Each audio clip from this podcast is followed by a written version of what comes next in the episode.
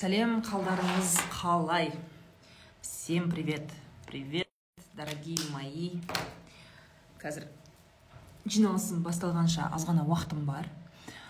Осы кезде кішкене сұрақтарға жауап беріп прямой эфир жасап деген сондай ой болды да сразу шыға салдым. Инстаграмның тікелей эфирінің бір жақсы жері. Қосасың шығасың ойыңды айтасың. И мне это ужасно как нравится. Очень люблю. А, блин столько всего происходит я не успеваю рассказать. Ертең түнгі шайда наверное айтып беремін бәрін қаншама ә, проектілер болып жатыр ә, қызық жаңалықтар болып жатыр пробкада жоқ қазір онша ше шопыр қызға шығып бәрін айтатын. Вот ә, рахмет. Жаңағы мен сторисқа қойған видеоны көріңіздер. Там как раз таки объясняется игромания жайлы айтылып жатыр балалардың арасында қалай басталады? Поэтому ата аналар ұлдарыңызға қыздарыңызға абай болыңыздар қараңыздар. Яғни жаңағы кішкентай баланың ақшаны қалай құртатынын байқау керек та. И этот сол әрекетіне қарай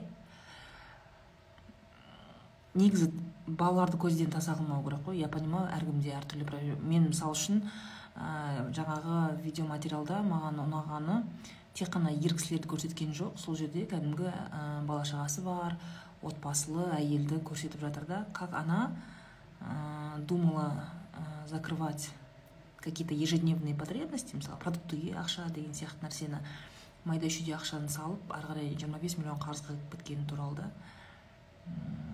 Это ужасная статистика ужасная. Арбитраж туралы мен білмейді екенмін бірақ өте көп сұрақ келеді маған осы туралы. Ә, менің түсінгенім это купли продажи валюты.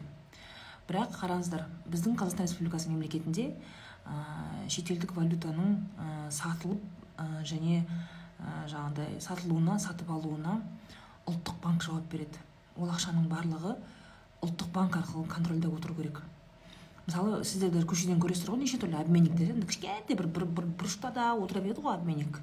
Бір андай не вроде бы қарайсың мынау не ну просто бір какой то бір дешманский обменник деп ойлайсың бірақ жоқ олардың барлығы ә, национальный ұлттық банкте ә, учетта тұрады.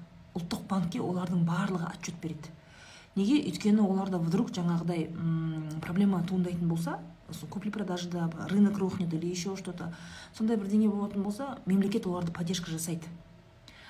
Ал сендер қазір үйде отырып алып ә, бар ақшаларыңды тапқан таянғандарыңды ешқандай гарантиясы жоқ ешқандай мемлекеттік қорғауы жоқ бір бәлеге салып жіберіп ақша таппақшысыңдар кішкене ми керек та чтобы зарабатывать деньги нужны мозги. Понимаешь? Ә, бізде осы мәселе жаңа игромандардың проблемасында айтып жатыр да ақшаны оңай табуға қызығушылық өте көп. Оңай болса анау сегіз сағат он сағат ешжақ болып жұмыс істейтіндер олар ақмақ ал мен ақылдымын. Мен ақылдымын ғой. Мен оңай жерден ақша табамын ғой. Не қыламын мен қиналып? Легкая жизнь. Такая воздушная. Қиналмай жатып табамын деген сияқты. Вы знаете, этого не существует. Вот бесплатного сыра в мышеловке нету. Бесплатный сыр, он только в мышеловке. Сен якобы қазір пайда көріп жатқандай боласың бірақ оңбай кетесің. Бұл өмірде барлық нәрсе баланста және есепте. Оңай жерде ақша жоқ ешкімде. Егер сенің табысың аз болатын болса значит сен сол табысқа лайықты специалистсің. Сенде хард скиллс та софт скиллс та жетпейді чтобы зарабатывать больше. Надо учиться и работать. Басқа ешқандай жол жоқ. Жаңағы игромандардың бәрі немен кетті олардың бәрі? Оңай жер оңай жерден ақша табу. Все же лохи лохи все. А я самый умный дегендер. Не болып жатыр ал не болып жатыр поэтому ә, откуда берутся игроманы? Айгерім посмотри этот ролик который я отметила в сторис. Ақшаны оңай табу керек деп мен сөйтіп айттым ба не райхан? Я всегда говорю еш шақ болып жұмыс істеп табасың ақшаны оңай тауып жүрген адамдардың это это верхушка айсберга. Верхушка айсберга. Сендер мынау мынаны ақшаны оңай тауып жүрген адам сен мынау мынаны ғана көресің сен крышкасын ғана көресің. Оның астында ол нешеме сағат жұмыс істеген нешеме нешеме уақыт білім алғанын өзінің қабілетін мастерствосын эксперттілігін ә, не істегенін сен білмейсің. Например түнгі шай мой формат түнгі шай бір жылдан асты. Білесіңдер түнгі шайды екі жарым мыңнан астам адам отырады.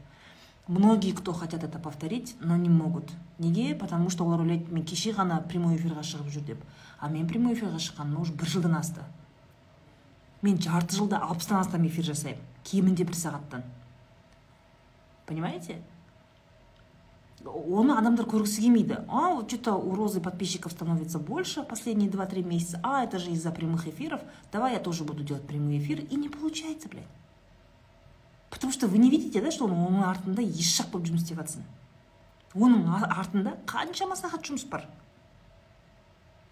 Көрмейсіңдер оны. Инфобизнесте мен бес жылдан бері жүрмін поэтому у меня инфобизнес идет стабильно. Мен маркетингте всю свою жизнь живу поэтому мои маркетинговые стратегии выстреливают. Өмір бойы өмір бойы мен маркетингпен сатуда жүрмін. Сендер қызықсыңдар да? Все люди лохи сендер бір жыл бір жерде жұмыс істейсіңдер или бір жыл там не знаю смм занимаетесь сразу хотите миллионы делать. Вы охренели вообще? Мен оңай ақша ақша оңай жерде деп айтқан жоқпын. Ешқашан райхан сен маған менің айтпаған сөзімді менің аузыма жабыстырма. Түсінді ба? Мозги свои лечите.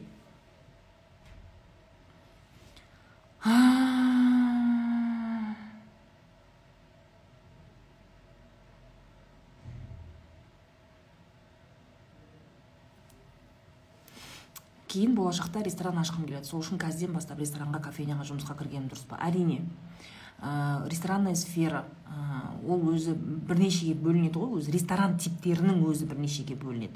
Сен жұмысты да көр сосын жалпы бүкіл мысалы даже гуглда бесплатный информацияларды қарап отырсаң болады иә ресторанның құрылымы жайлы. Иә ресторандар қандай классификацияға бөлінеді? Есть кофейни да?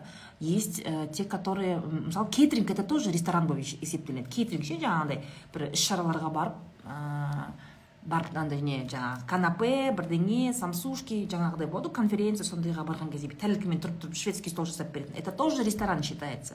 Сондықтан да ресторан деген бір саланың өзінің бірнеше несі бар ішінде таралулар бар да?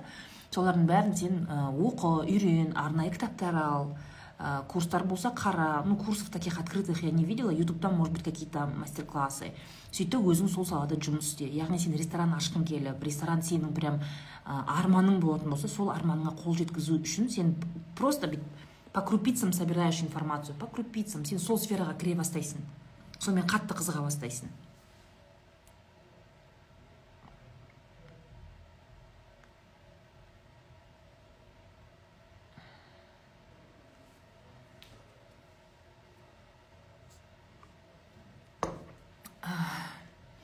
Жиырма бес жасым алматы қытайлық көліктерге запчасть сатамын дейді қалай клиенттік базаны көбейтемін осы бизнес түрі туралы. Енді сенің клиенттерің это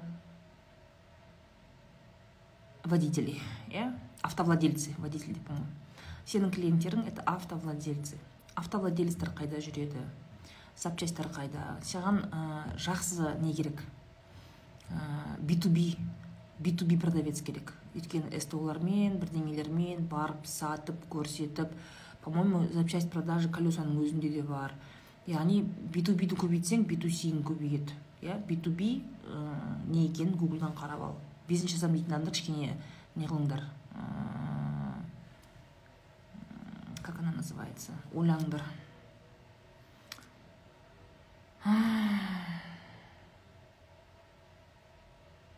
я роб в отделе продаж но блин адамдарға инфобиз оңай ақша сияқты көрінеді но это стоит колоссально работа целая команда қаншама жұмыс да. Да. Интенсивте айттыңыз осы ақша туралы айтып жатырық қой айтып жатырық қой бакалавр магистр бітірген психологпын декретте отырмын онлайн консультация жасап ақша тауып жүрмін клиент қалай көбейтемін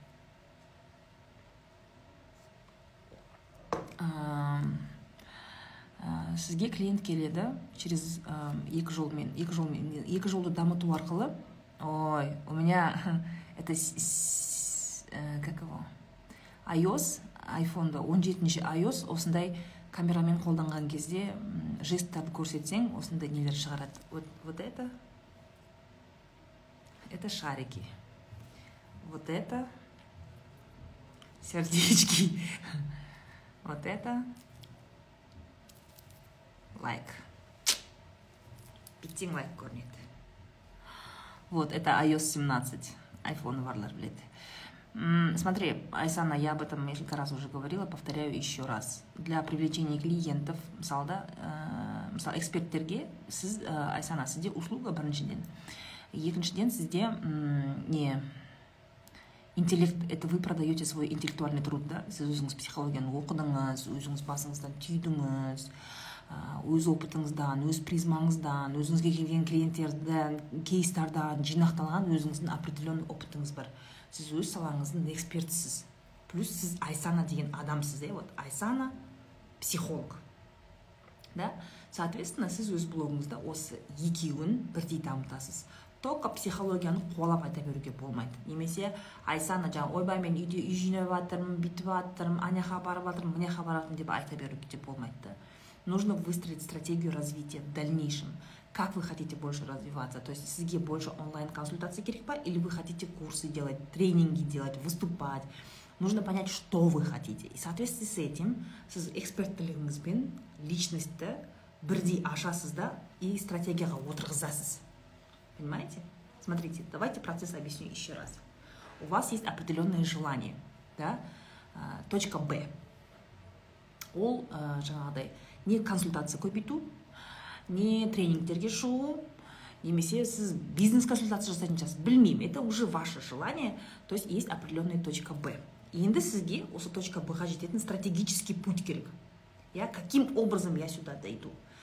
И сіз сол стратегический путьті құрастырасыз. Бірақ сол стратегический путь құрастырған кезде нужно учитывать вашу экспертность экспертность ваш опыт ваши кейсы да и вашу личность. Бізде проблема в чем когда стратегический жолды құрған кезде эксперттерге көп продюсерлар мынандай қателік жасайды. Олар бір шаблонды алады ой митрошина осыны істеп жатыр аяз шабудинов осыны істеп жатыр мынау мынаны істеп жатыр дейді да. Бір сатып алған шаблонды алады да сөйтеді да барлық эксперттерге соны пихать етеді. Оны эксперт мысалы продюсерға консультацияға барады ғой сөйтіп айтады да короче мына бүйтіп жатыр бүйтеді қазіргі тренд осы бүйтесің да бүйтесің дейді да.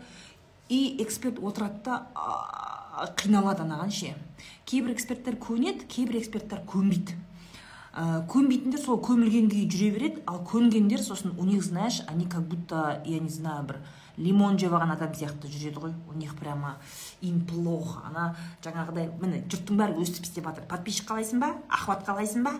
Саған лайк керек па? Онда бүйтесің дейді. Да сөйтеді де тебе определенную стратегию строят, именно которая вот заезженный деп айтайықшы стандартный стратегия и сен с плохим настроением с не могу сондай көтіңді қинап сол точка б барасың ты когда дойдешь до этой точки б тебе будет очень плохо очень плохо.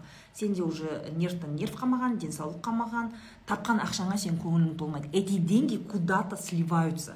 Да, возможно, ты машину купишь, еще что-то купишь, да, но они не будут тебя радовать. Почему? Потому что ты прошла этот путь, который тебе не нравится, который не про тебя, да, жаңағыдай биле десе билеп маймыл бол десе маймыл бол жұрттың бәрі распаковка жасап жатыр сен кредитке болсын брендовый зат алды распаковка жаса деген сияқты вот этот шаблонный стратегия береді бізде продюсерлардың бәрі ми істемей ма бір бәле ғой сөйтіп эксперт разочарован он больше не выйдет на рынок да он будет очень плохо идти на рынок и все, все на этом уже этот, ну, человек, можно сказать, потерян. Поэтому что я говорю экспертам? Егер сен инфобизнес жасаған жалпы онлайнда дамыған кезде не обязательно инфобизнеста онлайн арқылы клиент жинағың келсе онда точка быңды надо определить и стратегию выстраивать надо согласно именно своей личности.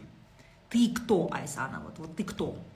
Вот да какие твои предпочтения? И согласно этого өзің әркімнің өзінің жолы бар. Почему моя программа называется сенің жолың это в целом вот эта фундаментальная отстройка человеческой личности чтобы ертең ол өз жолын тауып кету керек иә? Сен сенімділікті әрекетті масштабты алған кезде сенің жолың бағдарламасын алған кезде ты выстраиваешь свою личность согласно себя. Не шаблонная жизнь потому что қазір не көп эксперт көп продюсер көп маркетолог көп бір бәле көп ондай мамандар көп та сен ананы қарайсың мынаны қарайсың и все говорят я знаю четкий сценарий достижения успеха четкий сценарий сен осы сценарийді алсаң сен обязательно успехқа жетесің дейді да сен аласың а он тебе не подходит. Да? Понимаешь я не против этих обучений на продюсеров жаңағыдай аязда болсын басқада болсын. Сен барасың ол, ол жақтағы инструменттерді көресің үйренесің бірақ это ты должна накладывать на свою личность. Өзіңнің фундаментіңе қою керексің да а когда у человека вот этого фундамента нету все он начинает қуады ананы қайталайды мынаны қайталайды. И от этого ты во первых время теряешь. Да у тебя останется опыт. Да айсан проблема нет сенде опыт қалады сен ананы көресің мынаны көресің опыт қалады но довольствие жизни. Насколько ты счастлива будешь? Өзің психолог болып тұрып сен қаншалықты сен бақытты боласың? Поэтому учитывайте этот момент. У каждого свой путь у каждого своя скорость. Иә біреулер бір жылда атып кетсе біреулер үш жылда атады. Мәселе қанша уақытта емес. Мәселе сен ол жолмен қалай жүрдің? Сен қуандың ба ол жолды? Это тебе счастье приносит или нет? Вот это очень важно.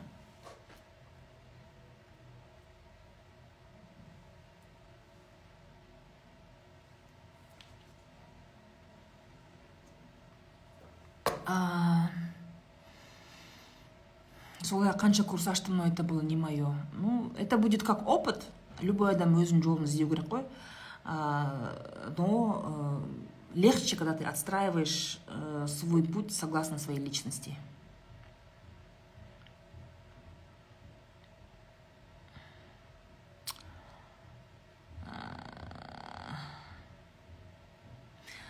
Декретте отырып жұмыс істеу деген нәрсе бізде мынандай болды да. Я вам скажу мен енді кәрі инфобизнесменмін ғой. Кәрі инфобизнесменмін ә, инфобизнес жаңағы курстармен марафондармен ә, шығудың жолын бәрін білем өзім көргем және естественно менен кейін шыққандардың бәрін жолын байқап жүрмін да. Ә, именно осы онлайн образование гүлдейтін кезде мынандай маркетинговый ход табылды да бізде. Мынандай маркетинговый ход декретте отырсың ғой қолың бос. Зарабатывай на декрете деген. Әйелдерге вот, вот этот маркетинговый ход он сильно включился. Ол өтірік емес я тоже так думала. Мен өзім я давно уже рожала. Мен енді ә, қолымда кішкентайлар бар балаларды түсінбеймін ғой. И біздер біз инфобизнесте инфобизнесті развивать ететін кезде біз айтатын едік. Декретте үйде отырсың. Иә қазір түсінемін да? Насколько это несправедливый маркетинговый ход? Он несправедливый. Иә әйелдердің миларына құйып тастаған да? Сен декретте үйде отырсың әйел декретте үйде отырған жоқ қой әйел үйде декретте отырған кезде она пашет как вне себя она не отдыхает. Она вообще не отдыхает. Ол үйде отырған жоқ оның көті жер иіскемейді оның а вот инфобизнестің жалпы айтады ғой мен бес жылда мен алғашқы инфобизнесменмін қазақ тілді. Бізде именно қазақ тілді мен білмеймін орыс тілді ондай жоқ жоқ орыс тілінде именно осындай маркетинговый ход жоқ. Но именно қазақ тілдіде наверное қырғызстан мен өзбекстанда то же самое. Мынандай агитация құрылады. Сен декретте отырып ақша тап декретте отырсың сен. То есть само по себе знаешь искажение пошло от слова декретный отпуск мысалы бізде отпуск деген сөз бар. Сен жұмыс істейсің он екі ай он екі ай болған кезде сен бір ай отпуск аласың иә? Отпуск яғни сен демаласың деген сөз. Да, отпуск. И есть декретный отпуск. То есть ә, осы жерден бізде подмена понятия кетеді да бізде искажение в голове. Вот отпуск и декретный отпуск как будто екеуі бір сияқты жұмыстан демалатын сияқты да? Понимаешь вот это искажение пошло. И маркетингте солай кетті да сен декретте отырма босқа как будто ол босқа отыр поэтому бізде даже мысалы декрет міне баласы бірге толды ғой келіншек үйде отыр баласы бірге толды сен босқа отырсың ғой дейді. Туған туысқаны болсын күйеуі болсын бәрі айтады. Сен босқа отырсың ғой үйде. Сен одан ақша тап үйде отырып дейді да. Ана так сутками пашет ол ұйықтамайды ол түнімен бала емізеді ол тышады ол сиеді баланың потребності екі минут сайын. Әр бала екі минут сайын потребность оянады. Яғни әйелдің фокусы ту бәле болды ғой мынау шар. Әйелдің фокусы екі минут сайын ана этот не қозып тұрады да сен. Міне енді несі бір ұйықтаған кезде шығар бір сағат бір сағат ұйықтайтын бала болса жақсы ғой. Жарты сағат ұйықтай ма? Ұйықтамаған кезде ол екі минут сайын мамасын шақырады. Екі минут сайын шақырады. Сен, сен элементарно сен фокусың демалмайды ше? Попробуй қазір міне баласы жоқтар сен телефоныңа әр екі минут сайын будильник қоятын қылып қойып қой. Әр екі минут сайын сен телефоныңда таймер қосылып тұрсын. Вот еркегің күйеуің телефон сонда істеп берші сол бірінші күні өліп қалды ол бала қараймайтындар содан ғой еркектердің. Екі минут сайын таймер қойып қой да и попробуй қалай екен саған? А балалы әйел ол сондай. Декретте босқа отыру деген мәселе жоқ. Декретте әйел босқа отырмайды. Она и так занята она не отдыхает. У нее почему бізде бірінен кейін бірін туған әйелдерде износ тела идет? Износ организма. Потому что ә, бала туудың ортасында ол нормально не восстанавливается. Ол ұйқы қандырмайды ол витамин ештеңе ә, не істемейді да қалыптаспайды. Помимо этого ол декретте отырған кезде ол ә, әлеуметтен қол, қол не қылып қалады? Әлеуметтен шығып қалады. Она не социализирована. Ол өзінің алған білімін жұмыстағы опытын теряет потому что ол үш жыл үйде отырып қалады. Понимаешь? И ол тек бытовухада жүреді да. И декретте отырып жұмыс істесе деген нәрсе это несправедливо. Почему мужик работает только 8 часов возвращается домой отдыхает а женщина она дома 24 часа работает еще плюс зарабатывает деньги. Понимаешь? Бізде осы именно мен де маркетолог ретінде мен сол, сол нәрсеге мен жауаптымын мен түсінген жоқпын оны мен қазір түсініп отырмын қазір ғой ақылды болып отырғанымыз бәріміз. Все приходит с опытом да? Көш ол жүріп түзеледі. Мен де оны түсінген жоқпын да мысалға да. Осы уақытқа ну реально. Потому что менде өзімде кішкентай бала жоқ қой. Соңғы рет он екі жыл бұрын туғанмын кішкентай бала жоқ думаешь тем более маған бала бағуға атам мен енем қалай көмектесетін еді. Почти қиналған жоқпын. Почти қиналған жоқпын да. Жағдайым бәрі жасалған.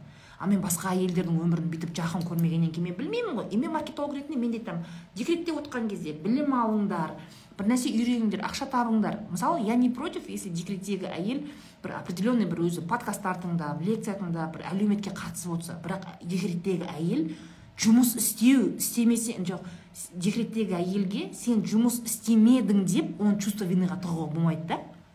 Иә бізде әйелдер жабылып бір бірін сондай чувство виныға тығады. Отырсың ғой декретте ақша тапса босқа отырсың ғой үйде деп айтады әйелдер өздері бір бірлері сөйтеді да не делайте так это труд это большой труд понимаете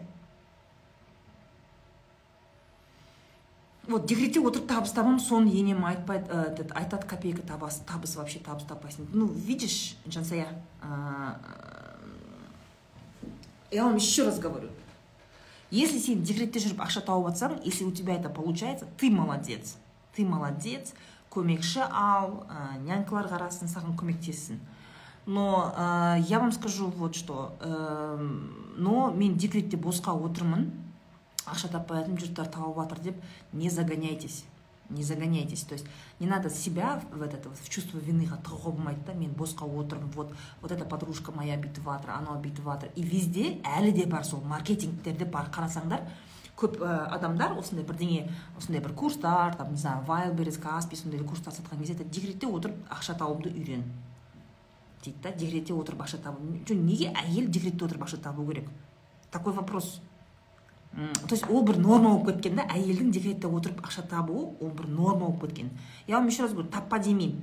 Егер шаман келсе тап. Шаман келсе тап. Саған ұнаса таба бер. Иә сен қиналмасаң. Екінші саған қызық болса тап бірақ мен таппадым деп өзіңді қинама иә то есть ә, мен таппадым я какая то неуспешная мен былжыраған мен жалқаумын қолымнан ештеңе келмейді деп загоняться нельзя Понимаете? У каждого свой путь. Если нравится, делай. Қолыңнан келіп жатыр ма? Делай. Если не сложно, делай. Но если ты не умеешь это делать, это не проблема. Это не значит, что сен какая-то плохая или какая-то странная или какая-то неправильная. С тобой все хорошо. Расслабьтесь. Потому что декреттің өзі ол жұмыс 24 сағат тоқтаусыз жұмыс. Еще балалардың погодки ғой мейлі ғой бір баланың бетіне қарап отырсаңдар екеуі үшеуі бірінен кейін бірін тастағансыңдар қашан жұмыс істейсің сонда сен? Қалай сен сен өзің демалмағансың қалай сен есіңді бүйтіп жиып сен жұмыс істейсің? Понимаешь?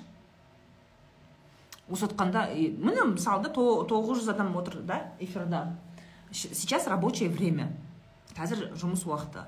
Осы жерде отырған әйелдердің көбісі да возможно вы сейчас мамочки в декрете и хотите зарабатывать да? Біз әйел деген тынбайды ғой енді. Баланы да қатырып байға да тиіп Э, ақшаны тапқымыз келеді. Это похвально. Но я вам еще раз говорю не загоняйтесь. В чувство вины не загоняйтесь. Жалпы чувство винымен ә, чувство винымен ә, жұмыс постоянно жұмыс істеу чувство винымен өмір сүру ол өте қиын. Өте қиын. потому что чувство виныда постоянно жүретін адам ол манипуляцияға тез беріледі ол өзін жоғалтады ол обслуживает чужие цели забывает себя поэтому старайтесь себя меньше обвинять в чем то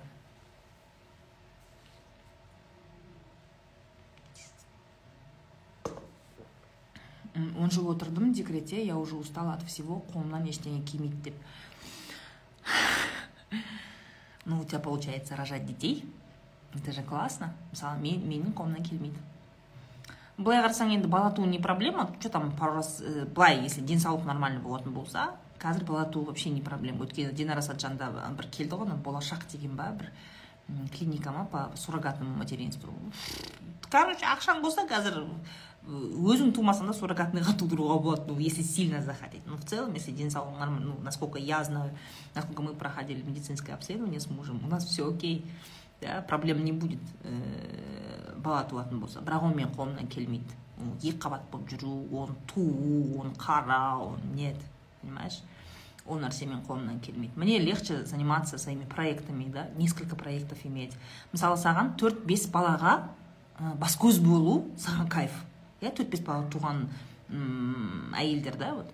Сендерге сол төрт бес балаға ә, бас көз болу кайф. Сол қолыңнан келеді. Это классное качество. Менде төрт бес проектке бас көз болу қолымнан келеді. И это мой плюс. Это не значит что я какая то хорошая ты плохая. Нет. Сенің де қолыңнан келеді. Сенің қолыңнан мысалы алты проектің бар ма алты балаң бар ма значит сен алты проектіге бас көз бола аласың деген сөз. Сенің қолыңнан сол нәрсе келеді деген сөз. Менде бес алты проектіге ә, параллельно бас көз болу қолымнан келеді. Маған сол ұнайды. И я выбрала для себя это. Одан бөлек ә, менің командамда 25-тен аса адам бар. Иә көбісі жастар. Олардың бәрі менің ұлдарым мен қыздарым бәрі. Олардың бір ә, ертең ә, бір қоғамға бір жақсы азамат болуы ә, жұмыс істеп білуі жауапкершілікті үйренуі ісін білуді мақсат қоюды білуді. Ол олардың я ответственна за них. Поэтому мен оларды еш жаққа жұмыс еткіземін. Қаққанда қан соққанда сөлін аламын ше? Еркелесе өзінің үйін еркелейтін шығар. Бірақ мен жұмыс беруші ретінде олардан профессионал жасағым келеді. Істесе мене менде жасайтын шығар бір екі үш жыл жасайтын шығар карьерасында. Бірақ ертең менің командамнан басқа жаққа жұмысқа барған кезде мен ол адам өзі үшін ұялмасын деймін да. Ой сен мынаны білмейді екенсің мынаны білмейді екенсің мынаны білмейді екенсің деп айтпасын деп өзі үшін ұялмасын деп максимально өзім білетін бизнестегі опытымды маркетингтегі опытымды сотрудниктеріме беремін. Я их учу я их вытаскиваю. Да чтобы они прожили счастливую жизнь потому что у меня они очень молодые. Он тоғыз жиырма жиырма бірдегі жиырма екідегі қыздар. Міне мен бала шағам и я понимаю что я дам больше пользы этому миру ә, командамды көбейтсем профессионалдарды өсірсем ә, көбірек курс жасасам ақылы да ақысыз семинарлар өткізсем ә, проектілер ашсам IT қазақ тілді IT қоғамды күшейтсем ә, жастарды білімге баулсам қаржылық сауаттылықты үйретсем менен бұл қоғамда пайда көбірек. Понимаешь? Менден ондай пайда көбірек поэтому я реш... мы решили не рожать. Я говорю я мы, мы это обговаривали с мужем долго и он тоже как бы ну думает да одан пайда көбірек та чем бала туып ә, бала қарап отқаннан тем более ол менің қолымнан келмейді. Иә айтып отырмын ғой мен екі ұлымды атам мен енем көмектескен. Екеуінің жаңағыдай болды өзі бірге келген кезде уже бірге жақындаған кезде енді отырып жан жағына қарап уже жыбырлап бастаған кезде мен нервім ойнайды ондай балаға менің шыдамым жетпейді. Ол анау төрт бес айға дейін миленький болып жатады ғой. Миленький болып жеп ішіп тышып жататын кезде нормально. Ары қарай уже жыбырлап бастаған кезде мен нервім шыдамайды. Сол бүкіл ең беспокойный мектепке дейінгі садикке дейінгі беспокойный моменттің бәрінде атам мен енем қарап берген. Мен ондай қиындықтар көрмегенмін да поэтому мен түсінбеймін декреттегі әйелдерді. Жаңағыдай ше жұлмалап ана көмектесетін ешкім жоқ бүйтіп етегін біреу емшекте біреу етегіңде деген сияқты. Ондай ондай ситуация менде болмағандықтан менде көп түсініспеушілік бар да. Бірақ мен сендердің историяларыңа қарап мен я понимаю что это очень сложно. Планируйте свою беременность. Планируйте обязательно. Сондықтан да я вам еще раз говорю он жыл декретте отырдым қолымнан ештеңе келмейді деп не загоняйтесь у тебя отлично получается рожать детей вот рожать детей между ними ана біреу жылап жатса біреу уже үлкеннің тамағын жейді біреу емеді ана біреуін емізіп тұрып мына жақтан біреудің тамағын істеп деген сияқты да. Классно же получается у тебя. Мен өйтіп істей алмайтын едім мысалы үшін.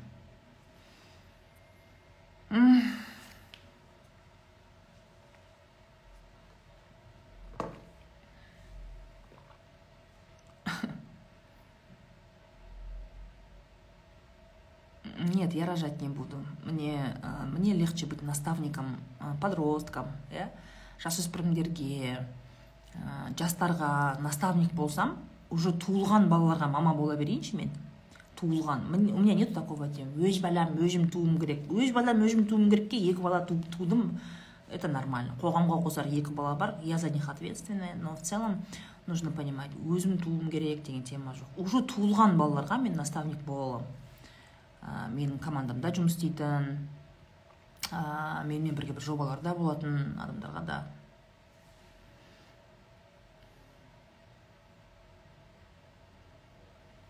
Мен өзімді ә, таба алмай жүрмін декреттемін после декрета немен ә, айналысамын деп себе не могу найти не знаю что нравится. Қыз кезімде сауда саласы менеджер ә, болу прям мені қазір не хочу ол саланы дейді да мысалы ая смотри ая да? Мынандай мәселе бар да? Смотри декретте әйел сен бір определенный сфераның ішіндесің иә ол үй там поликлиника туған туыс магазин бала баланың көті баланың тамағы бай да? И ты во всем этом крутишься. Внутри вот этого всего крутишься ал мынау өзімді тапқым келеді өзім мен нені қалаймын дегенді сол сол өзімді тапқым келеді мен нені қалаймын деген процесстің өзіне уақыт бөлу керек та. Ая сенде ондай уақыт жоқ сен жаңа ғана проблемалардың жаңағы ә, проблемаларды шешудің ішінде жүрсің. Жаңағыдай ше бала бай үй тірлігі тамақ кешке ужинға не істеймін соның ішінде жүрсің да. Тебе кажется как будто саған бұрынғы өмірің ұнамайтын сияқты бұрынғы опытың саған ұнамайтын сияқты. Неге сен ол салаға сен даже мысалы да сен декретке шыққаннан бастап сен өзіңнің әп әдемі істеп жүрген салаңды тастап кеттің байға тиемін деп. Байың үшін құрбан, құрбан еттің соны ше бай үшін. Құрбан еттің. Енді сен қайтадан өз салаңды хотя бы қазіргі кезде мысалы менеджмент пен маркетинг саласы өте қызық это, блин, это меняется. Ну, менеджмент, понятно, это бизнес-управление, команда управления, систематизация.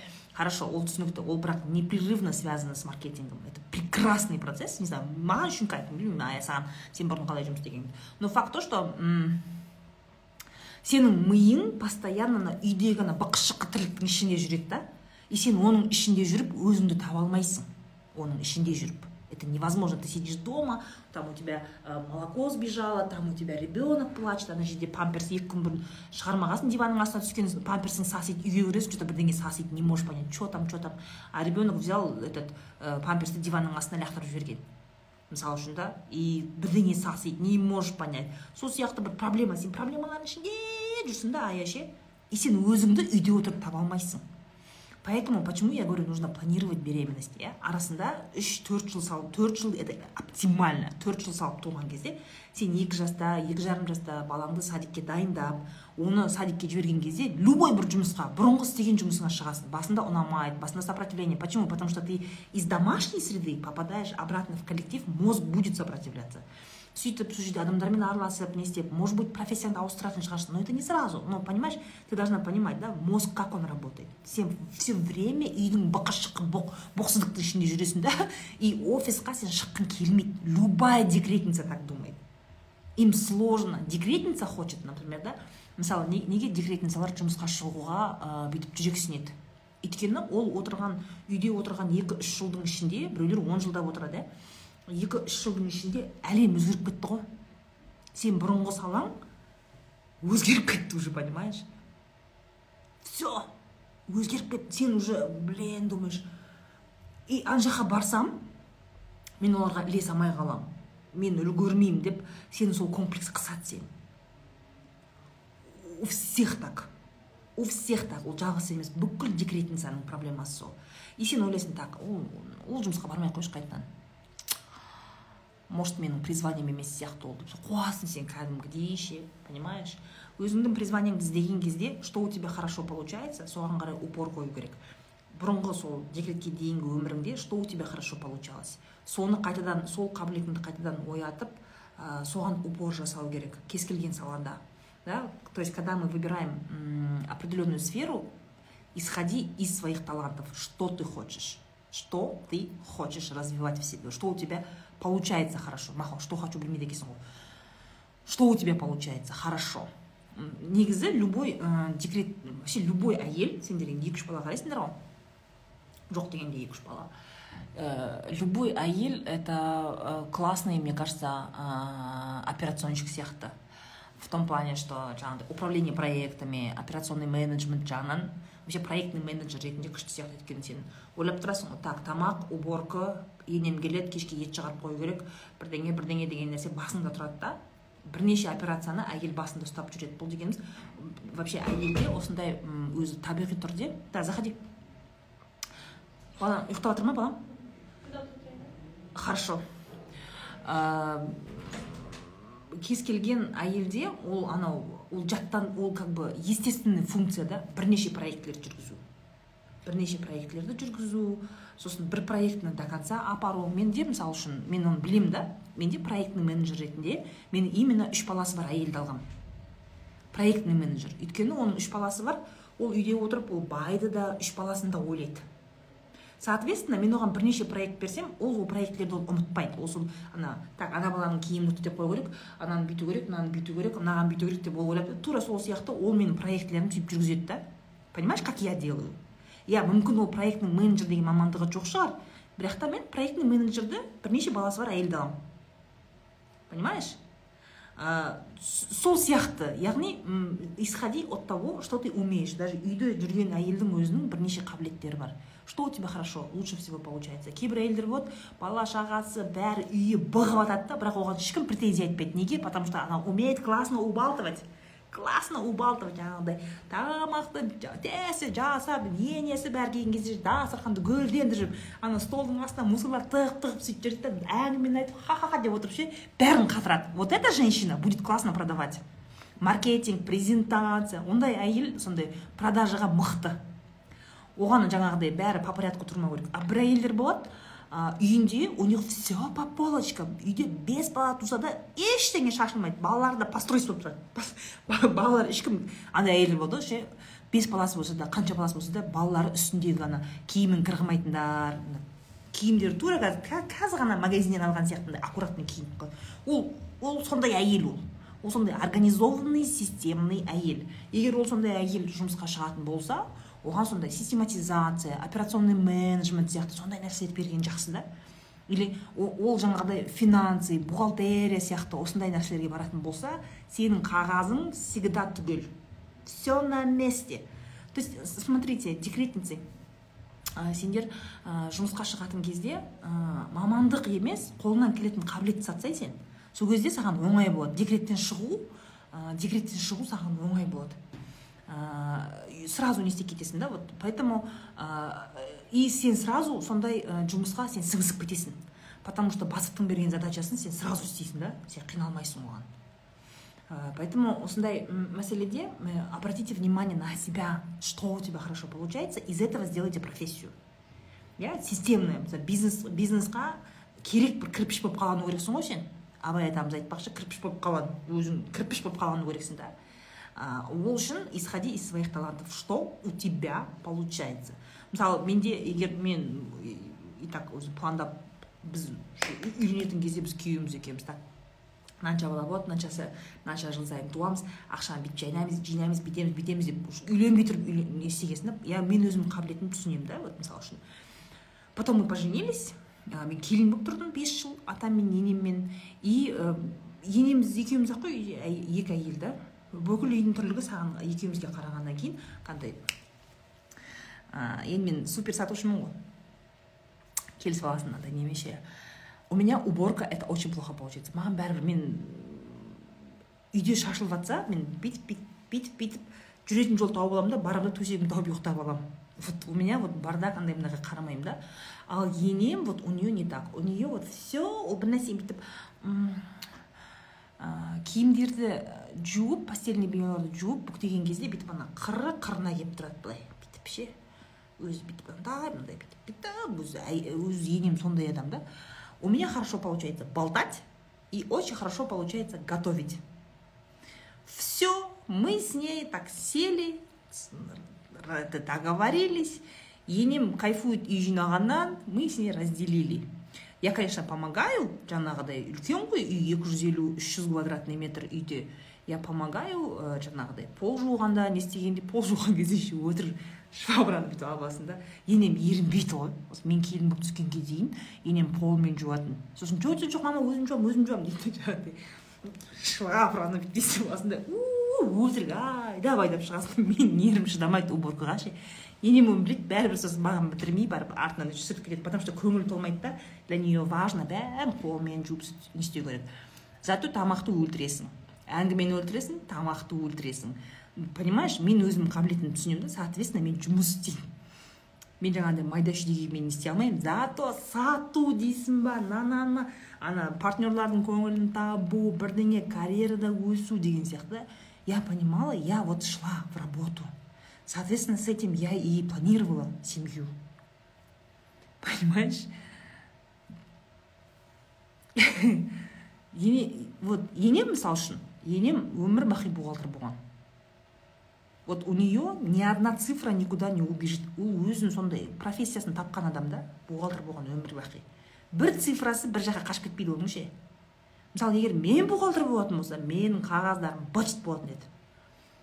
Быт болып отчетым бір бірімен сәйкес келмей сондай болатын еді. Өйткені бухгалтерия это же цифровой баланс. Ол деген бүйтіп ол точно келу керек қой. Ана цифрлар точно келу керек та. А менде мен оған нервім шыдамайды если мен просто бухгалтер болатын болсам понимаешь? А вот енем ол сондай вот у нее вот все вот, вот, вот прямо үйде қылтанақ жатпайды қылтанақ жатпайды үйде үйде даже мысығы болатын ауылдағы үйде ше мысықтар да үйге ровно кіріп шығады ғой.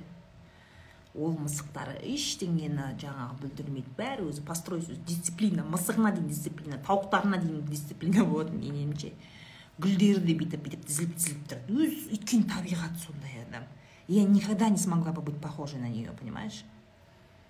И әр қыздың әр әйелдің өзінің қабілеті бар да. И сол қабілетіңе сай мамандық таңдасаң саған оңай болады. Үйде көрінеді да. Үй дегеніміз мысалы біз сендер ойлайсыңдар үй ол просто үй деп ше. Үй ол кәдімгі бизнес. Бизнес кәдімгі производство бизнес мысалы ресторанның ішінде де сондай ғой ресторанда мына біреу повар біреу тағы бірдеңе раздевочник бірдеңе официант администратор. Көп қой тура сол сияқты үйде үйде де сондай да бірнеше нәрселер бар. Жаңағы үйдің тірлігі бойынша тамақ істеу бойынша адамдармен сөйлесу бойынша сондай бар да. И мысалы мен адамдармен сөйлесу маған күшті бірақ мен адамдармен тек бизнес тілде сөйлесе аламын. Иә? Ақша проект анау тез тез давай давай давай давай деген сияқты да. И ә, мен туысқандармен онша сөйлесе алмаймын. Неге? Өзімнің де туысқандармен сөйлесе алмаймын. Күйеуімнің де сөйлесе алмаймын. Неге? Потому что я не умею поддерживать этот разговор. Ә, бүйтіп андай не түсініп бүйтіп ше а сондай мысалға да сондай туысқандарымыз жаңағы үйдегі жаңағы осындай ситуацияларын айтып береді ғой отбасындағы ситуацияларды айтып береді ғой жаңағыдай осындай болып жатыр сол енді баламызды мектепке дайындап жатырық бір нәрсе иә сол енді енемді сол санаторийға жіберуім керек анау мынау деген сияқты туысқандар сондай әңгіме айтады ғой. Я не умею такие разговоры поддерживать менікі сухой да а мен сразу проблеманы шешуімді айтамын да. Сен ана бүйтесің ана сайтқа кіресің ана бүйтесің ана бүйтесің ана бүйтесің сөйтіп айтасың а людям не всегда нужно решение мысалы адамдармен араласқан кезде особенно туысқандармен араласқан кезде оларға сенің бизнесовый советтерің дым да керек емес понимаешь? Это возможно их даже обижает. Они хотят местами просто пожаловаться на жизнь. Просто пожаловаться. На меня не могут пожаловаться потому что маған келіп сол енем сөйтіп қиналып жатырмын күйеуім соңғы кезде бірдеңе деп туысқандар айтатын болса мен айтамын жұмысқа шық үйт бүйт мен сразу сондай әңгіме айтамын да я не то есть я не умею такой вот жанашырлық әңгіме не умею поддерживать. Но зато менің күйеуім сондай да умеет. Өте сыпайы дипломатично сөйлеседі ше ол андай күшті бүйтіп деп иықтан қағып қойып бүйтіп сондай ә, поддержка беріп ше ә, жаңағыдай жылулық сондай теплота сондай ше дипломатично сөйтіп әңгіме айтқан күйеуім қатырады сондықтан да біздің ә, біздің отбасы егер біз бизнесте болатын болсақ то туысқандардың ортасында менің де туысқандарым жолдасым өзінің де туысқандарының ортасында менің пиар компаниямды жүргізетін адам менің күйеуім. Мен пиар компания жүргізеді сосын бүкіл семейный семейный емес жаңағы көршілердің чаттарында домның чатында күйеуім отырады. Потому что мен домның чатында отыратын болсам мен шығамын да парковкада бірдеңе дұрыс емес па сразу шығамын да сразу суретке түсіріп вот здесь не понятно мы, мы в прошлом месяце оплачивали вот такие-то та та та та та куда вообще все эти деньги деваются? Вообще, почему компания не оказывает сервис вовремя? Я сейчас буду жаловаться в палату предпринимателей, анау мынау короче мен ана жерде чаттың қырғынын шығарамын жаңағыдай чатты да көршілердің да итін шығарамын ана жерде ше а муж не такой. Ол жайлап барып кск да мен барып сөйлеседі. Яна вот скажите вот здесь вот так то так то что можно будет сделать? Ол жай барып сөйтіп ол сөйлеседі да. И ол тілді шешіп келеді барып. Бүйтіп ұзағынан шешіп келеді. Мен сразу мен қазір юристіме звондаймын. Адвокатыма қазір звондаймын. Қазір келіп екі аяқтарын бір етікке тығады. Менде сондай подход. Поэтому естественно мне нельзя егер мен туысқандармен ә, осындай тонда сөйлесетін болсам это конечно их обидит так нельзя делать. Поэтому бізде осы туысқандармен сөйлесу көршілермен көршілердің чатында отыру сондай келісімшарт сондайдың бәріне муж ходит иә где андай майда сөйлеу керек.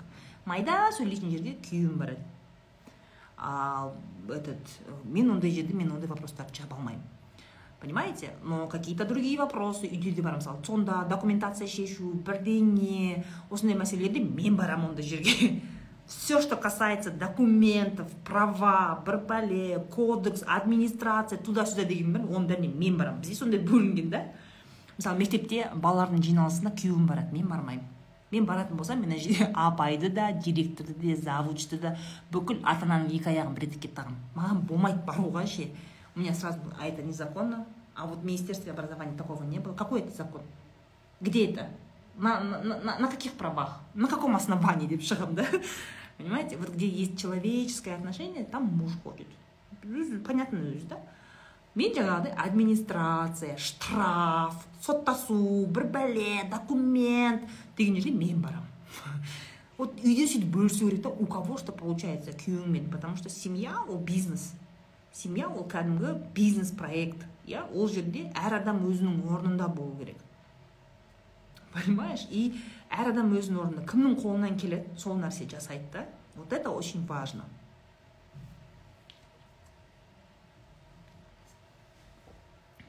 Мен күйеуім жүреді документпен ол туыстармен сөйлесе алмайды дейді вот туыстармен тілі майда адам сөйлесу керек.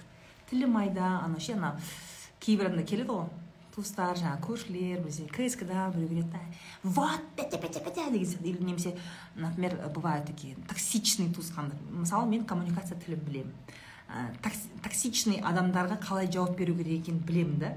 Но это хорошо в бизнесе это хорошо в работе но туысқандармен так не пойдет ана таксит ететін туысқандармен күйеуім да таксит етіп жатыр таксит етіп жатыр ғой. Иә иә дұрыс қой. Иә иә. Деп өзі менің күйеуім өзі дауысында қатты шықпайды жай майда сөйлейді деп әйтеуір бір бәлеге көндіріп келеді білмеймін әйтеуір ше. Сол токсичный адамды бір бәлеге көндіріп келеді қалай көндіретінін білмеймін. Өзінің сондай майда сондай мындай несі бар өзі еврейский тілі бар өзінің бар ғой. Это тоже талант. Понимаешь? Зато у меня в телефоне все нотариусы банк бір бәле телефонмен шешіп не істедіңдер ана документті қазір мен нотариусыма звондаймын сен не қылдың? Иә жоқ. Сотқа береміз. Документ дайында. Вот так у меня. а он андай майда болып келеді понимаешь надо разделять семья это производство семья это бизнес и бөлісу керек осындай кезде привет хорошо ештеңеге араласпаймын ну возможно ол сіздің қабілетіңізде жоқ вообще сөйлеспеу но ә, адам вообще сөйлеспей тұра алмайды ғой. Вообще сөйлеспей тұра алмайды. Сонда сен не сөйлесесің сен? Сонда ты просто с родственниками усеки гоняешь? Так получается? Адам декретте отырса да сөйлесу қабілетін дамыту керек. Потому что рано или поздно все равно сен жұмыс бар мысалы да бәрі риск все равно есть. Риск все равно есть. Женщина должна быть образованной у женщин должны быть деньги я считаю.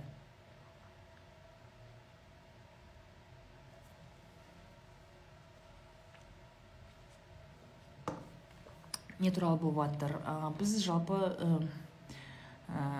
әйел декреттегі әйел декреттегі әйелдің жұмысқа шығуы жұмыс істеуі жайлы сөйлеп жатырмық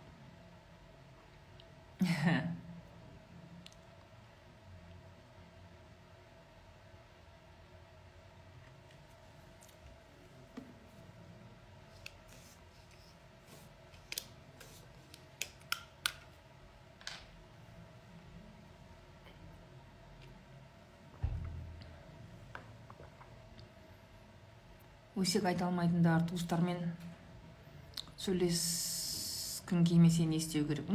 Сөйлеспе. Сөйлеспе жұмыс істе жұмыс істе кітап оқы курс қара қазір уақытым болмай жатыр деп.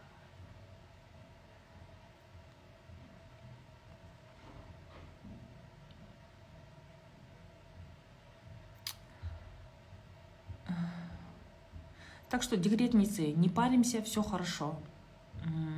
Декреттен қалай дұрыс шығу керек туралы айтылды ғой. Қазір эфирді сақтаймын почти бір сағат болды отырғаныма. Мен туысқандардың чатына мені қосып қояды бірақ без звук қой без уведомления без звук. Қарамаймын да не болып жатқанын өздерімен өздері туысқандар бір бәле әйтеуір суреттерді жіберіп туған күн тойлап ана жаққа бардық мына жаққа барсын. Мен основной жаңалықтарды күйеуімнен біліп отырамын кім кім келді қалаға ә, кімді күтіп алу керек кімді шақырамыз не болып жатыр андай крупный крупный іс шараларға барамыз жаңағындай той сондайға.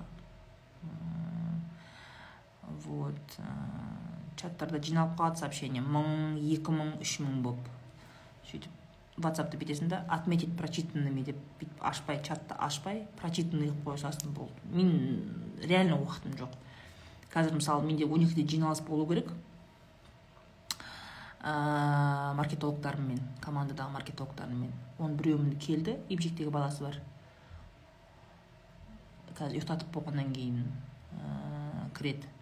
Екінші қызым келе жатыр әлі жолда бір сағаттан бері. Ауырып қалған ба бірдеңесі бар.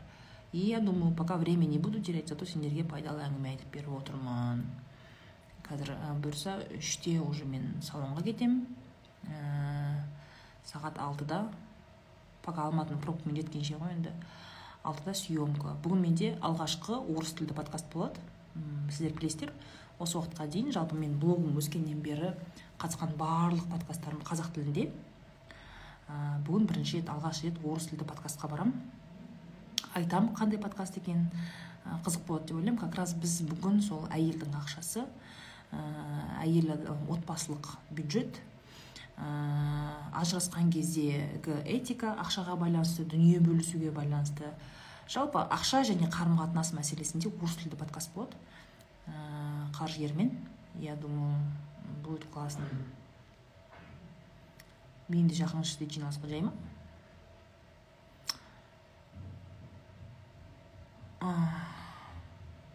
я думаю что мықты мықты эфир болды деп ойлаймын бүгін. Декретницаларға өте пайдалы болады поэтому қазір сақтап қойғаннан кейін бизнес эфир деп ә, бизнес разбор деп сақтап қоямын ә, соны ә, подругаларыңа жіберіп сіңілдеріңе әпкелеріңе жеңгелеріңе жіберіп талқыласаңдар болады.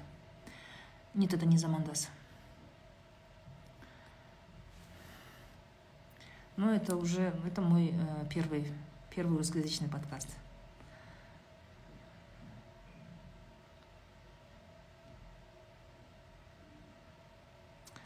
Ә, пенсияны елу сегіз жыл қайтара ма шаршадық дейді. Ә, гүлзайнап алпыс тоғызыншы жылғы екенсіз. Ә, ә, жалпы пенсияға ұмтылу деген нәрсе советтің кезінен қалған ескі нәрсе кеңес одағы кезінен қалған. Ә, сіз шаршадыңыз өйткені ә, жұмысыңыз өзіңізге ұнамайтын шығар. Негізі ә, пенсионный возрасттың ә, азайғанын мен қаламас едім. Неге өйткені ә, адам и пенсияны мысалы бір точка отсчета сияқты қарамау керек та. Міне ох міне қазір міне елу сегіз алпысқа барайыншы а сол кезде болды деп балам болды пенсияға шығамын. Что вам даст пенсия? Это просто мемлекеттің бір определенный бір өлместің күніне бір жүз елу доллар береді мемлекет. Өліп қалмасын деп. Ол бір полноценный демалыс емес ол бір ә, сіздің өміріңіз пенсиядан кейін күшті болып кетпейді ше. Вот бірден бүйтіп рай.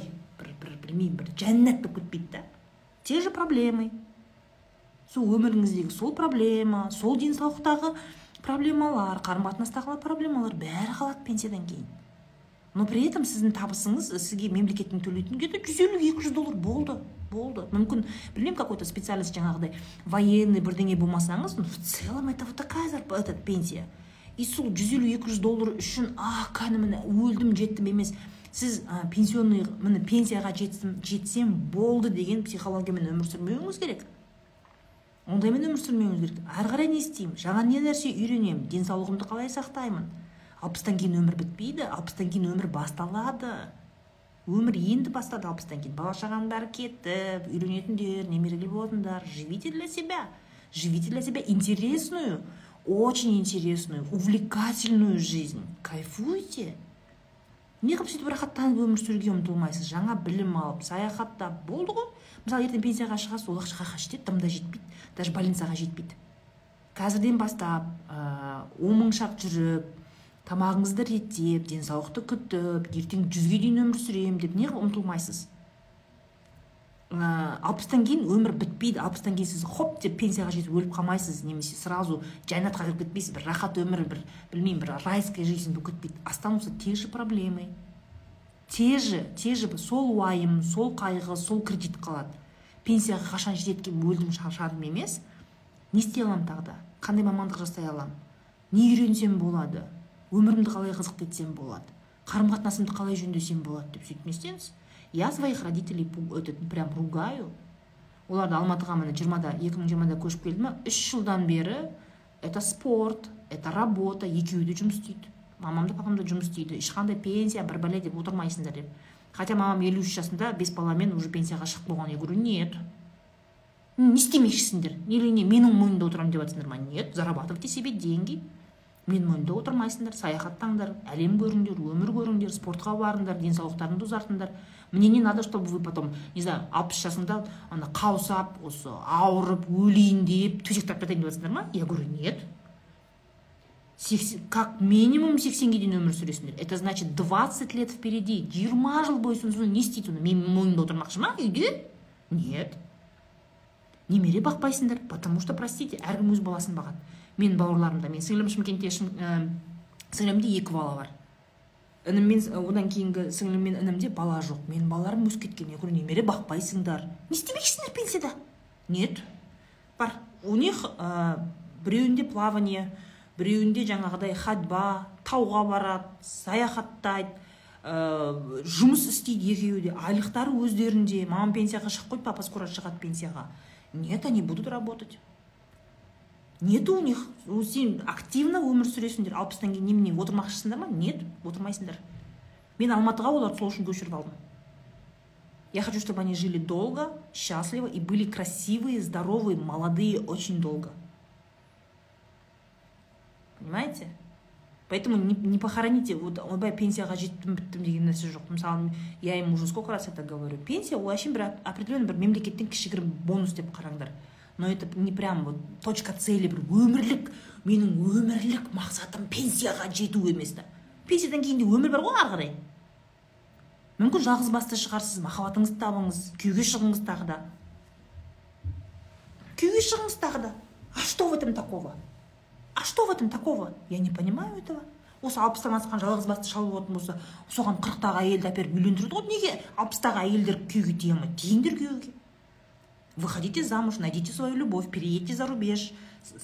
Қыдырыңдар. Биыл менің әке шешемнің үйленгеніне қырық жыл болды. Міне кеше жиырма төртінші сентябрьда ровно қырық жыл болды екеуінің үйленгеніне. Кәдімгі той жасап. Соның құрметіне ертең отыз күні олар түркияға кетіп жатыр бір айға. Барады ә, сол жақта түркиядағы туысқандарымыз квартира снимать етеді.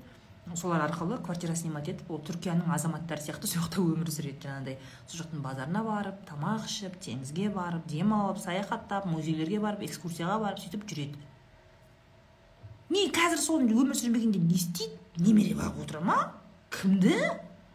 Мысық та жоқ немере де жоқ басымды қатырма бар екеуін қыдырып баяғы жас кезіндегі махаббаттарыңды естеріңе алып осы бізді өсіреміз деп қаншама қиналдыңдар қаншама уақытты жоғалттыңдар бірге бола алмадыңдар вот пожалуйста 60 лет жизнь только начинается. Бар кетіңдер. Вот завтра тридцатого бұйырса түркияға кетеді. Бір ай ма бір жарым айға ма тұрып келуге. Сейчас не знаю законы как поменялись неше неше уақыттан кейін уже қайту керек қой.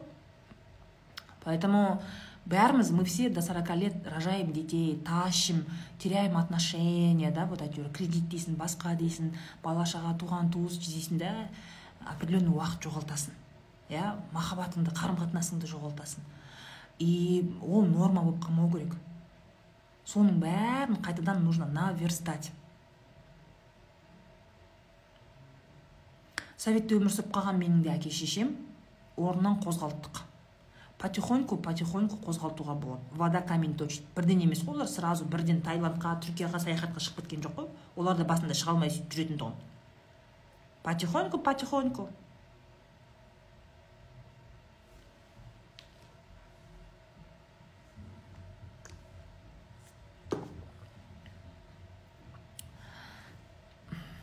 Өзіңіз үшін правила бұзсаңыз әлем қарсы шыққандай болады. Дұрыс айтасың.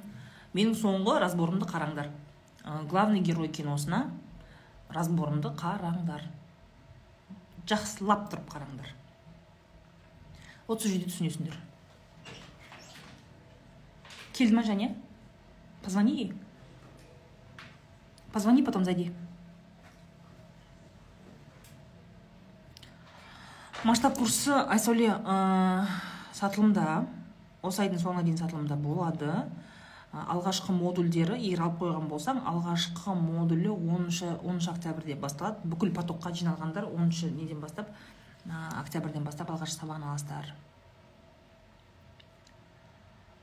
Ә, жаннұрым курстың бағасы екі жүз тоқсан тоғыз мың тоғыз жүз тоқсан теңге. Он теңгесі он теңгесі кем үш жүз мың.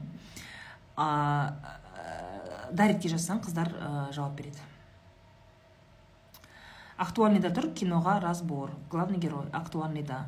Жалпы егер менің курстарымды алуға ақшаң болмаса ә, менің эфирларымды қарауға уақытың болмаса нервың шыдамаса менің актуальныйымда тола киноразборлар бар. Кәдімгі кітап оқығандай қылып бүйтіп оқып отыра бересің. Көп нәрсе түсінуге болады.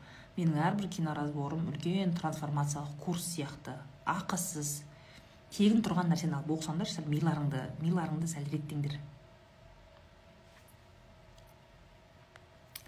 масштаб курсы ә, ол ә, ақша тауып жүрген адамдарға яғни жалдамалы жұмыс немесе бизнестегі жүрген адамға келесі этапқа шығу дамыту масштабный тұлға болуға көмектеседі.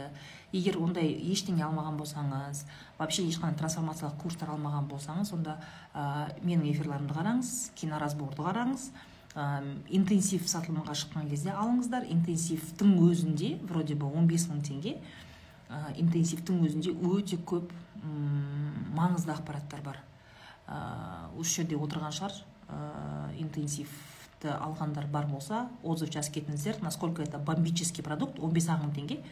Ә, пока қазір сатылымда жоқ. Сатылымға шыққан кезде ә, стористан көріп алып хотя бы соны көріп бастаңыздар. Масштаб ол кәдімгі ә, кәсіпте өсем бұрын трансформациялық курстар өткен кәсіпте өсем ә, масштабқа шыққым келеді дейтіндерге арналған.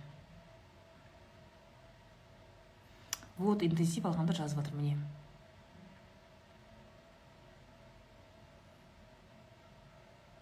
Вот рахмет. Рахмет. Отзывтарыңызға.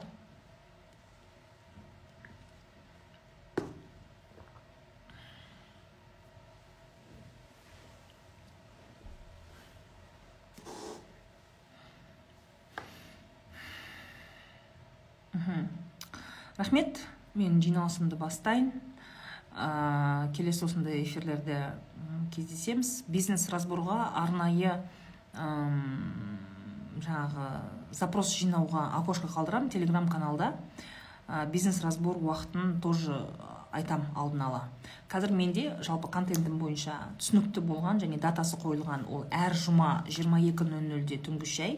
Егер қонақпен болатын болса 21.00-де егер жалғыз өзім болатын болсам 22.00-де бұйырса ертең түнгі шай 22.00-де өзім болам қонақсыз. Ал ә, бизнес разбордың уақытысын біз ә, қоюымыз керек. Осы жақын уақытта қоямыз. И ә, тоже бір определенный уақытта шығып тұратын болады сіздерге ыңғайлы болу үшін. И оған бизнес разбор эфиріне ә, сіздер ә, запросыңызды телеграм канал арқылы қоя аласыздар. Сондықтан да менің телеграм каналыма да жазылып алыңыздар. Коучтың кабинеті десеңіздер шығады телеграмда поисктан іздесеңіздер. Ә, немесе по моему ссылка болу керек менде профильде точно не знаю. Вот одан бөлек киноразборлар ә, олардың киноразборлардың точно уақытысы жоқ бірақ алдын ала парақшада барлық жерде айтылады. Келесі киноразбор маған назар аудар киносына болады. Ол уже октябрьде болады. Да сентябрьде үлгермеймін. Октябрьде болады. Одан бөлек мен дүйсенбі күні логистика академиясы транспорттық және логистика академиясы алматы қаласындағы сол академияға қонаққа барам. Қонаққа болғанда лекция оқимын. Қаржылық сауаттылық және дисциплина туралы. Осы дүйсенбіде соңғы өзектерді айтып алайын да. И маңғыстау облысы бұйырса маңғыстау облысы ақтау жаңаөзен және мұнайшы елді мекендерінде боламын октябрьдің примерно жиырмаларында.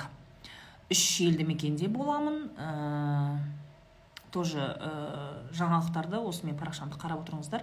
Алдын ала айтылады қай жерде ә, қай уақытта бәрі айтылатын болады. Где то октябрьдің жиырмаларында ә, дайын болыңыздар. Маңғыстау. Қазір сөйлесіп жатырмық акиматпен келісіп жатырмыз.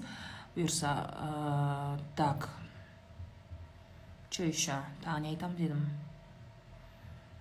Мхм сол в основном. Түнгі шай ә, жұма 22.00 немесе 21.00-де ә, мен енді стараюсь түнгі шайға ә, қызықты қонақтарды шақыруға ә, пайдасы тиетін қонақтарды шақыруға өзім тексерген эксперттерді шақыруға тырысамын. Вот ә, сіздерге пайдалы болсын деп. Келесі қонағым скорее всего будет юрист. Да скорее всего будет юрист. Именно ә, отбасылық проблемалар бойынша ә, опекунство бірдеңе развод ә, имущество брачный контракт алимент деген темаларда әйел адам не істеуге болады. Бізде қандай заң бар? Осы мәселе бойынша заңгер шақырамын түнгі шайға. Енді қатындар бәрі сендер үшін ғой. Сендер үшін сендердің сауаттарың үшін брачный контракт туралы сөйлесеміз тоже. Егер қазіргі кезде мысалы қыздар бар да бізде уже үйі бар қыздар уже машинасы бар қыздар ә, күйеуге тиген кезде жаңағы қалай не істеуге болады осындай мәселеде имущество разделение брачный контракт туралы әңгімелер қозғауға тырысамыз иә ажырасудағы проблемалар. Вот сол өткенде түнгі шайға кім келді ғой? А, құндыз келді ғой. Енді сол құндыздың үйіне барып шай ішейін деп жатырмын. Үйіне барып ә, көрсетіп ол да құндыздың да тура мен сияқты екі ұлы бар. Ә, біз екеуміз қатты ұқсаймыз бір бірімізге оның да екі ұлы бар. Вообще жалпы ұл тәрбиесі туралы сөйлесеміз одан бөлек. Ә, күйеуімен қарым қатынас иә ол да күйеуі жұмыс істейді ол да жұмыс істейді. Екеуі де жұмыс істеп жүр бала тәрбиесіне қалай уақыт бөледі деген сияқты мәселе. Семейный бюджет ақша жинау мысалы құндыз өте жақсы ақша жинайды. Вот у нее вот, вот у нее вот, вот это плюс. Сондай сияқты оның секреттерін бәрін біліп сендерге сұрақтарды қойып қойып сендерге тауып беремін деп обещаю но это будет не завтра. Ертең мен өзім жүргіземін одан кейін қонақ тоже бұл жалпы қонақпен келетін дүңшелерді қарап отыра я всегда максимально стараюсь все самое полезное давать. Сол ә... так все да по моему бәрін айтып болдым все всем пока всем хорошего дня. Осы эфирді ә, басқалармен бөлісіңдер всем пока.